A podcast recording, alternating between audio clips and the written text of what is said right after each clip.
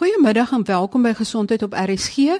Vandag het ek hier by die Tygerberg Hospitaal en Universiteit van Stellenbosch Mediese Skool 'n ronde tafel gesprek met Dr. Jantjie Taljaard. Hy's hoof van infeksiesiektes en Dr. Erik de Kloet van die departement van farmakologie by die Universiteit van Stellenbosch. En die hele probleem wat bespreek gaan word, is die gebruik van antibiotika, want al hoe meer bakterieë raak bestand teen antibiotika en dit kan reusagtige probleme skep. Dr Taljaard, hoe groot is die probleem en wie het hierdie probleem uitgewys? Dit is 'n uiters groot probleem en dit is globaal. Dit, dit strek oor die hele wêreld. Um, ons weet dit eintlik al baie lank, baie jare, dekades lank kom dit aan. Um, maar dit is redelik onlangs op die voorgrond geplaas deur die Wêreldgesondheidsorganisasie en die CDC van Amerika wat met verslae uitgekom het om die probleem uit te lig en presies um, weet syfers te plaas op hoe groot die probleem eintlik is. En die probleem is dat veral sekere soorte bakterieë, die wat ons noem die gram-negatiewe groep bakterieë, het nou vreeslik hoeveelheid weerstandigheid ontwikkel teen die middels wat beskikbaar is daarteen en as al hoe minder middels beskikbaar op die mark vir die behandeling van hierdie weerstandige organismes. Dit is ook uh, op nasionale vlak al uitgewys en is 'n prioriteit vir die nasionale departement van gesondheid om te kyk na hierdie probleem. Watter tipe siektes word veroorsaak deur gram-negatiewe bakterieë? Is 'n wye spektrum van infeksies. En eintlik enige deel van die liggaam kan gram-negatiewe infeksie ontwikkel. Ons sukkel veral daarmee met in die urineweg ook met uh, diarree siektes, uh, maar ook uh, bloedstroominfeksies en dit is die groot probleem wat natuurlik potensieel fataal kan wees. Ek wil net uitlig, dis nie net die gram negatiewe infeksies ook die ander sy van die saak, die ander groep bakterieë, die gram positiewe um, bakterieë het ook al hoe meer weerstandigheid daarteen. Daar's egter nog 'n paar middels beskikbaar, maar natuurlik mens moet nou nie wag tot daai middels ook op is voordat jy mens daai rooi lig sal aansit nie. Ek dink alle bakterieële infeksies en veral die gram positiewe soos ek gesê het, wat dan ook die respiratoriese die lugweginfeksies veroorsaak veroorsaak. Dit is daar ook groeiende probleme mee. Ons het al almal gehoor en gelees van MRSA. Dit is 'n bakterie wat eintlik amper soos wetenskap fiksie klink, maar wat is die oorsaak van hierdie probleem van middelweerstandigheid? En kan jy ook net sê werk antibiotika net teen bakterieë wat dan van virusse en fungi? So die hoofrede waarom ons middelweerstandigheid het is as gevolg van die onoordeelkundige gebruik van antibiotika. Ek dink dat dis nie net in hospitale nie, maar ook in algemene praktyke waar baie van die luisteraars eh, nou gaan na algemene praktisyne waar dit onoordeelkundig gebruik word. Die rede waarom dit onoordeelkundig kan wees is 'n groot hoeveelheid van infeksies, veral respiratoriese infeksies, boonste en onderste lugweginfeksies word deur virusse veroorsaak en antibiotika het geen effek op die virus nie. Indien dit dan nou voorgeskryf word as jy 'n virale infeksie het, word dit onnodig gegee. Dit het geen nut vir die pasiënt nie en teenoor kan skade veroorsaak en bydra tot weerstandigheid. Soos dokter De Kloet sê en ek dink die groot probleem is soos hy sê die nadelige effekte is is waarskynlik omdat die antibiotika die goeie bakterieë in die darmkanaal ook doodmaak. So jy het in die eerste plek nie die antibiotika nodig nie want jy is siek as gevolg van 'n virus. Nou neem jy die antibiotika en hy maak die goeie bakterieë in die darmkanaal dood. En wat dan gebeur is daar's 'n oorgroei soms van slegte bakterieë of daar selfs nou ontwikkeling van weerstandigheid van sommige bakterieë in die darmkanaal. En daai bakterieë wat soos ons sê kan dan hierdie persoon koloniseer die weerstandige organismes. Die persoon word nie noodwendig siek van hierdie bakterieë nie maar kan dit potensieel oordra na ander mense wat wel siek kan word daarvan. En dan is dit nou al reeds 'n weerstandige bakterie omdat hy al reeds blootgestel is voorheen aan 'n antibiotika wat onnodig was. Daar was nie nodigheid vir 'n antibiotika in die eerste plek nie. So verskillende bakterieë word op verskillende plekke gedra as 'n mens gekoloniseer word, soos byvoorbeeld die Staphylococcus wat jy nou nou genoem het wat deel is van die MRSA groep, word veral in die neusvleuels gedra en baie mense veral as hulle in gesondheidsorg fasiliteite was kan gekoloniseer word deur die MRSA want dit is baie algemeen in hospitale teenwoordig. Maar mens kan ook in die darmkanaal gekoloniseer word en dan sodoende uitskei in die darmkanaal en op die vel op ander plekke as ook um, selfs in um, die urineweg um, stelsel soms as 'n mens infeksies ontwikkel. Om by te voeg wat Jantjie gesê het dis nie net ander mense wat deur die weerstandigheid geraak word nie maar die pasiënt self kan ook geraak word daardeur. Om dit dalk beter te verduidelik, as die pasiënt die antibiotika gebruik het, ontwikkel dan weerstandigheid uh, of dra dan organismes wat dan weerstandig is teen die antibiotika wat ons beskikbaar het en word dan in 'n latere stadium siek en het dan 'n noodsaaklikheid om antibiotika te gebruik en dan word antibiotika voorgeskryf, kan die pasiënt dan weerstandig wees teen daardie antibiotika wat dan natuurlik klomp probleme kan veroorsaak, ook dat die antibiotika wat jy nou gebruik, um, nie werk nie. Is hier 'n hele geval van tuberkulose en toe word dit middelweerstandige tuberkulose en toe word dit sommer amper superkieme wat omtrent teen niks reageer. Is dit 'n voorbeeld van wat skeef geloop het? Ek dink deels ja, dit is 'n soortgelyke proses indien antibiotika verkeerd voorgeskryf word en ons het nog nie eens geraak aan die ander komponente van verkeerde antibiotika gebruik nie. Dit gaan nie net oor die onoordeelkundige gebruik daarvan nie, eh, maar ook as 'n mens dit voorskryf, al is dit vir die regte indikasie, dat 'n mens die regte dosering moet gebruik, dat mens dit gereeld moet gebruik, vir lank genoeg ensovoorts en of die regte roete daarvoor gebruik of binne aars of dan per mond. So daar's 'n paar dinge wat 'n rol speel sodat 'n mens voldoende vlakke van die middel in die bloedstroom het, ook onder andere wanneer jy dit regtig nodig het om ook verstandigheid te voorkom. In tuberkulose soms um, gebeur dit dat 'n persoon miskien nie die regte dosering medikasie gebruik nie of nie medikasie gereeld gebruik nie en dit kan aanleiding gee tot weerstandigheid. En so ook dieselfde waar vir bakterieële infeksies met antibiotika.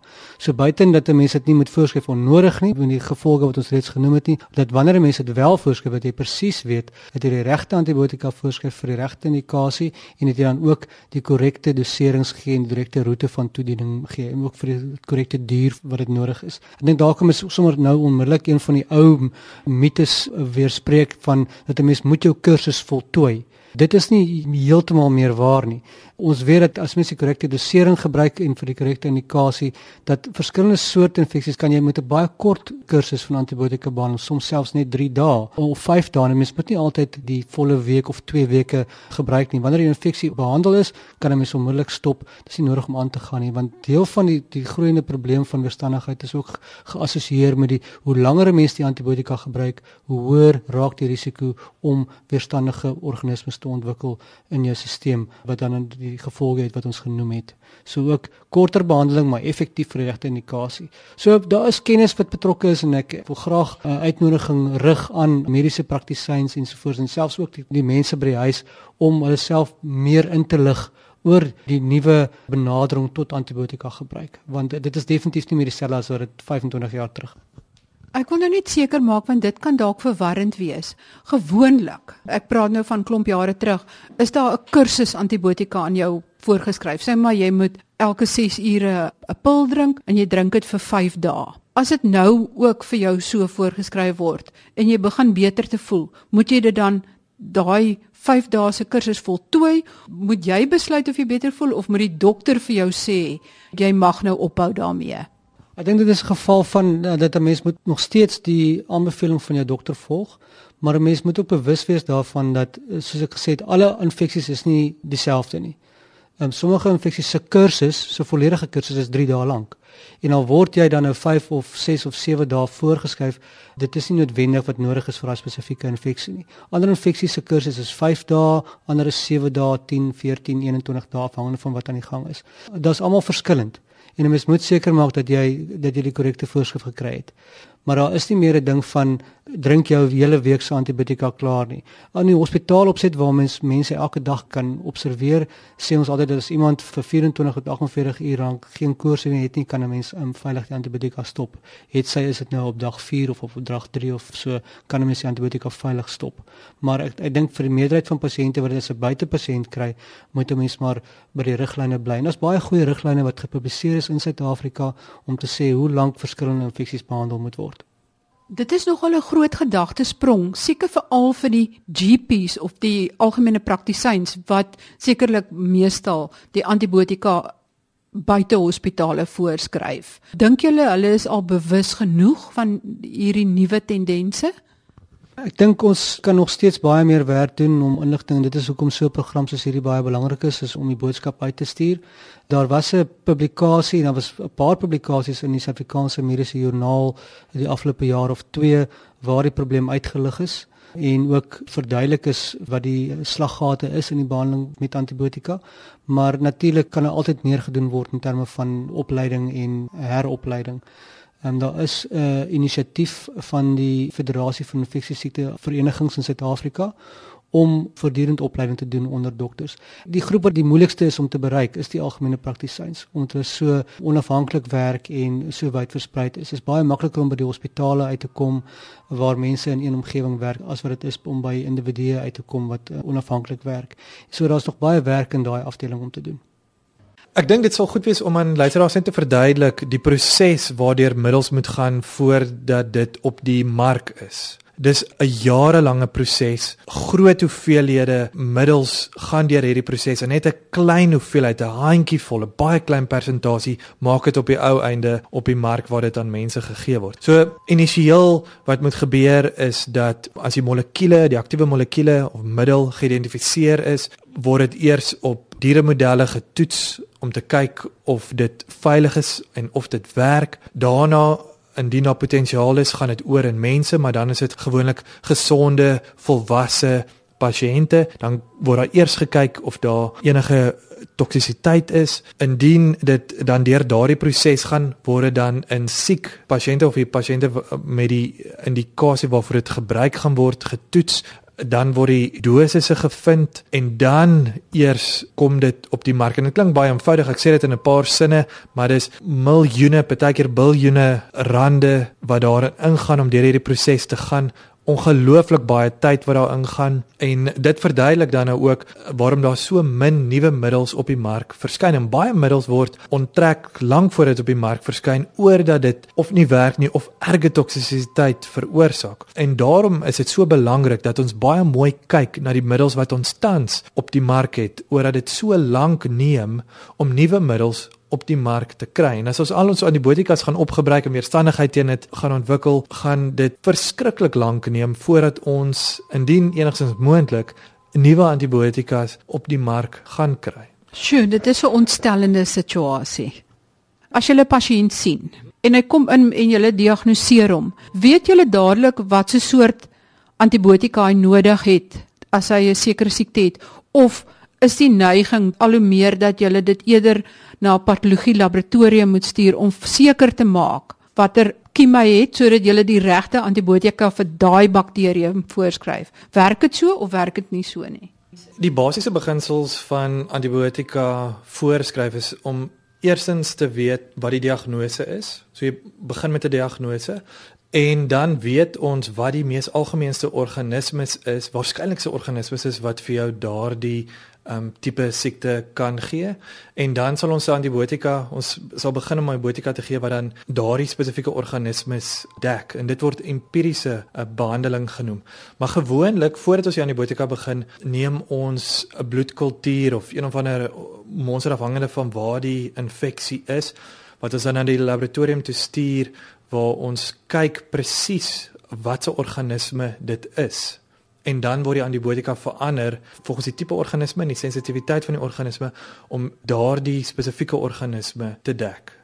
Dit is hoe ons dit doen en ek dink die groot sprong vir meeste van ons wat in die gesondheidssektor werk is die feit dat as 'n mens besluit het om antibiotika te gee, is dit uiters belangrik om na 'n dag of 2 daai besluit te herevalueer op grond van die verslag wat jy terugkry van die laboratorium, op grond van jou herondersoek van die pasiënt om te kyk hoe dit gaan en jou diagnose te heroorweeg sowel as jou behandeling.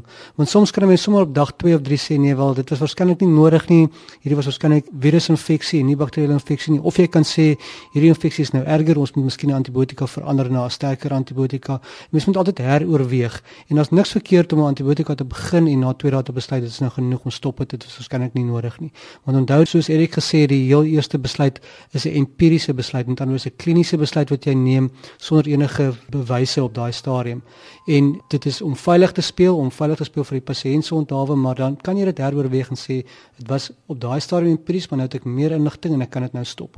So dis nie 'n kwessie van begin en jy moet dit aanhou vir daai tydperkie, want dit sal daai besluit is definitief nie die pasiënt se besluit nie, dis 'n besluit wat die dokter moet neem.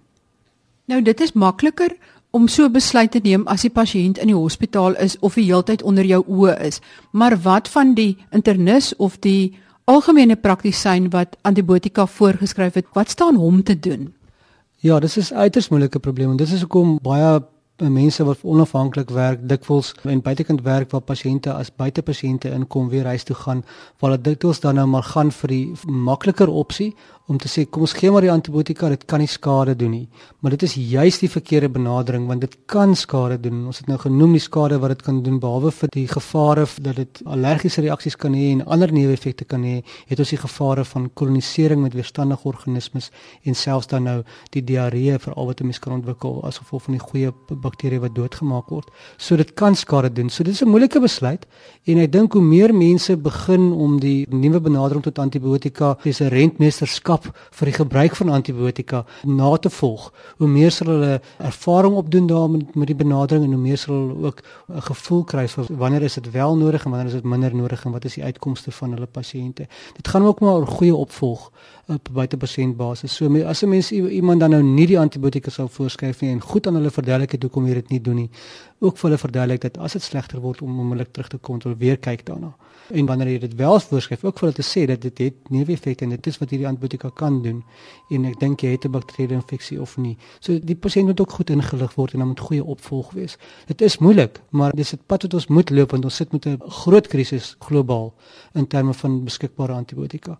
Ek wil ook miskien hierby voeg, mense nou dink ag, bietjie 'n moksel of 'n bietjie hiervan gaan nie die grootste skade aanrig nie. Dit raak nou al hoe meer duidelik dit gaan die ontwikkeling van hoogs weerstandige bakterieële infeksies word veroorsaak nie net deur die gebruik van baie breë spektrum antibiotika in hospitale nie, maar dit gaan oor die akkumulatiewe gebruik van antibiotika in die algemeen. So meer antibiotika in die algemeen gebruik word op mense in die wêreld, hoe hoër raak die risiko's vir die weerstandigheid moet ontwikkel. Selfs al gebruik jy 'n baie eenvoudige antibiotika, kan jy weerstandigheid ontwikkel teen 'n baie komplekse en sterk antibiotika sonder dat jy eers blootstelling aan daai sterk antibiotika gehad het. So dit is baie belangrik. Ek weet nie of Erik miskien meer wil praat oor die gebruik van antibiotikas in die landbousektor en so en die moontlike effekte wat dit kan hê op op die ontwikkeling van weerstandigheid nie. Natuurlik dit alles speel 'n rol en ek wil net uitwys dat daar is groot internasionale studies wat gedoen is wat wys dat lande wat hoë antibiotika gebruik het, het 'n hoër insidensie van weerstandigheid. So dit dis absoluut hoe meer ons dit gebruik, hoe meer weerstandigheid kweek ons en ons baie goeie data wat dit ondersteun. Dis ook nie net direkte toediening aan pasiënte of mense wat 'n probleem is nie, dis ook die gebruik van antibiotika in die landbousektor um, in sekere diere om um, produksie te verhoog en al daai faktore dra by want dit word nou weer eens uh, deur die omgewing opgeneem en dit alles dra globaal by tot verhoogde weerstandigheid. Korrek en ek dink uh, regulasie en ek dink dis weer eens waarom ons die versnykundige dienste en die nasionale departement van gesondheid nodig het om strenger regulasies daar te stel. Ek weet daar is regulasies, maar dan ook om die regulasies dan ook toe te pas. Twee goeters wat nou vir my baie duidelik word is dat pasiënte moenie vir hulle algemene praktisyn vra vir antibiotika nie. En die dokter moenie in 'n hoek gedruk word om dit voor te skryf net vir ingeval dit dalk kan help teen 'n moontlike toekomstige infeksie nie. Maar waar staan ons met antibiotika en die ontwikkeling van nuwe antibiotika want dit klink vir my of ons besig is om hierdie geveg te verloor van dat daar vinniger middelweerstandigheid ontwikkel as wat daar nuwe antibiotika op die mark kom.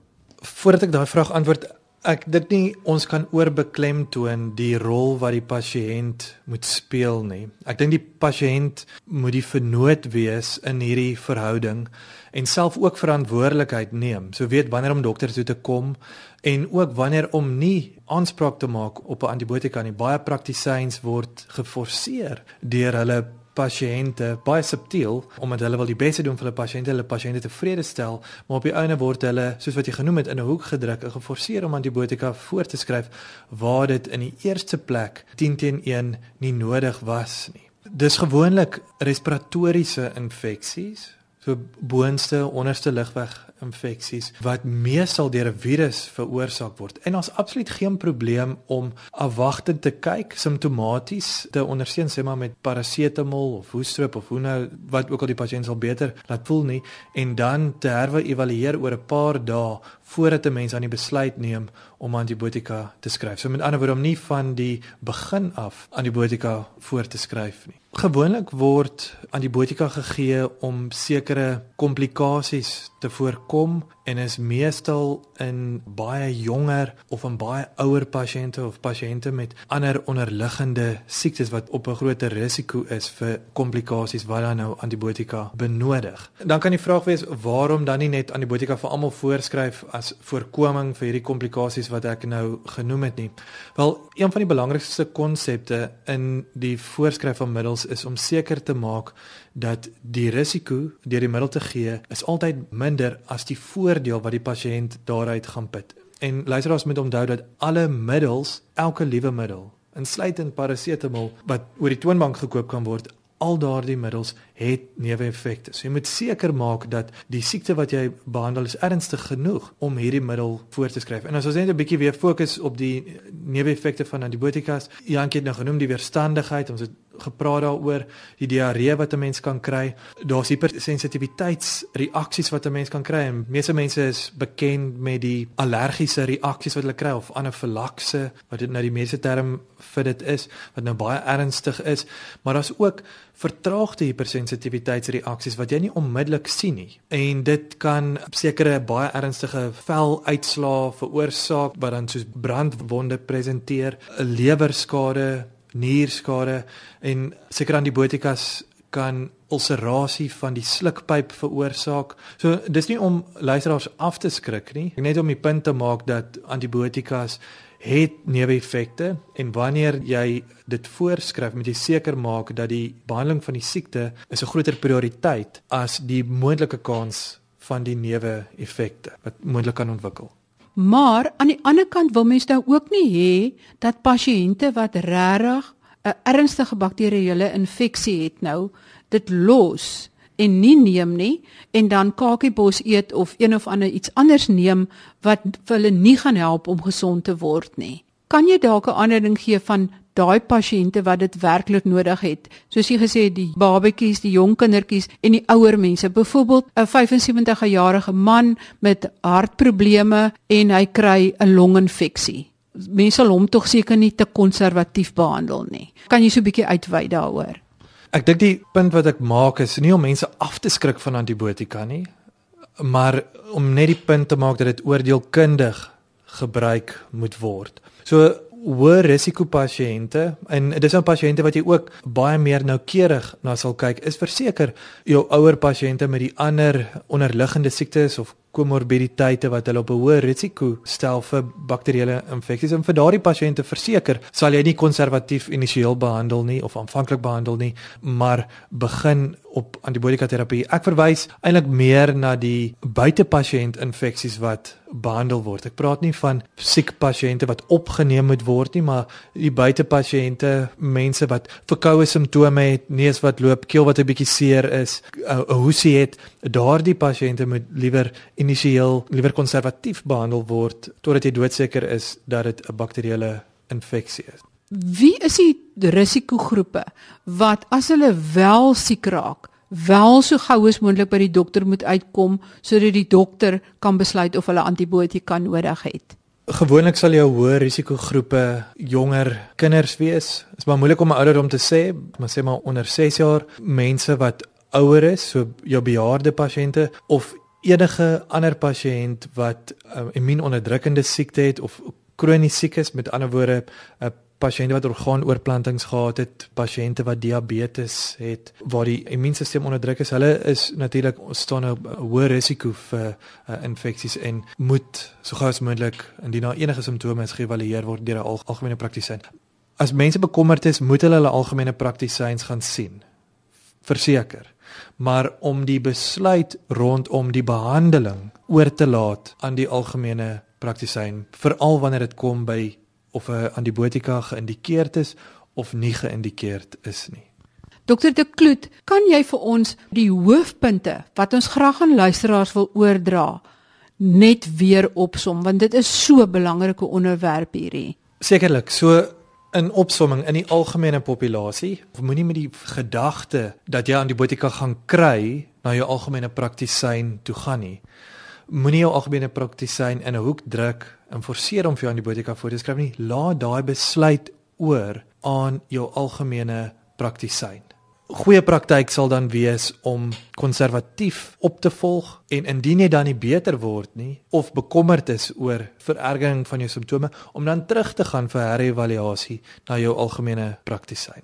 Met ander woorde, as iemand griep het en hy het nou toeneus en keelseer en hy het 'n tipe bronkietis, soos wat jy verduidelik het, is dit eintlik nog 'n gevolg van die virus en die antibiotika gaan in elk geval nie help daarvoor nie. Verseker, so meeste respiratoriese infeksies is as gevolg van 'n virus en bronkietis is gewoonlik as gevolg van 'n virale infeksie en nie 'n bakterieële infeksie nie. Ter opsomming op 'n internasionale en nasionale vlak word antibiotika oorgebruik van antibiotika weerstandigheid as 'n as 'n noodtoestand, as 'n krisis gesien. En daarom moet antibiotika nie verby word nie, maar liewer oordeelkundig gebruik word. 'n Deel van oordeelkundige gebruik is om seker te maak dat die indikasie korrek is, want dit veroorsaak nie net weerstandigheid nie, maar ons het ook uitgewys dat daar klomp neeweffekte is wat kan voorkom. Dan ook om enige nuwe middel, insluitende antibiotika op die mark te kry,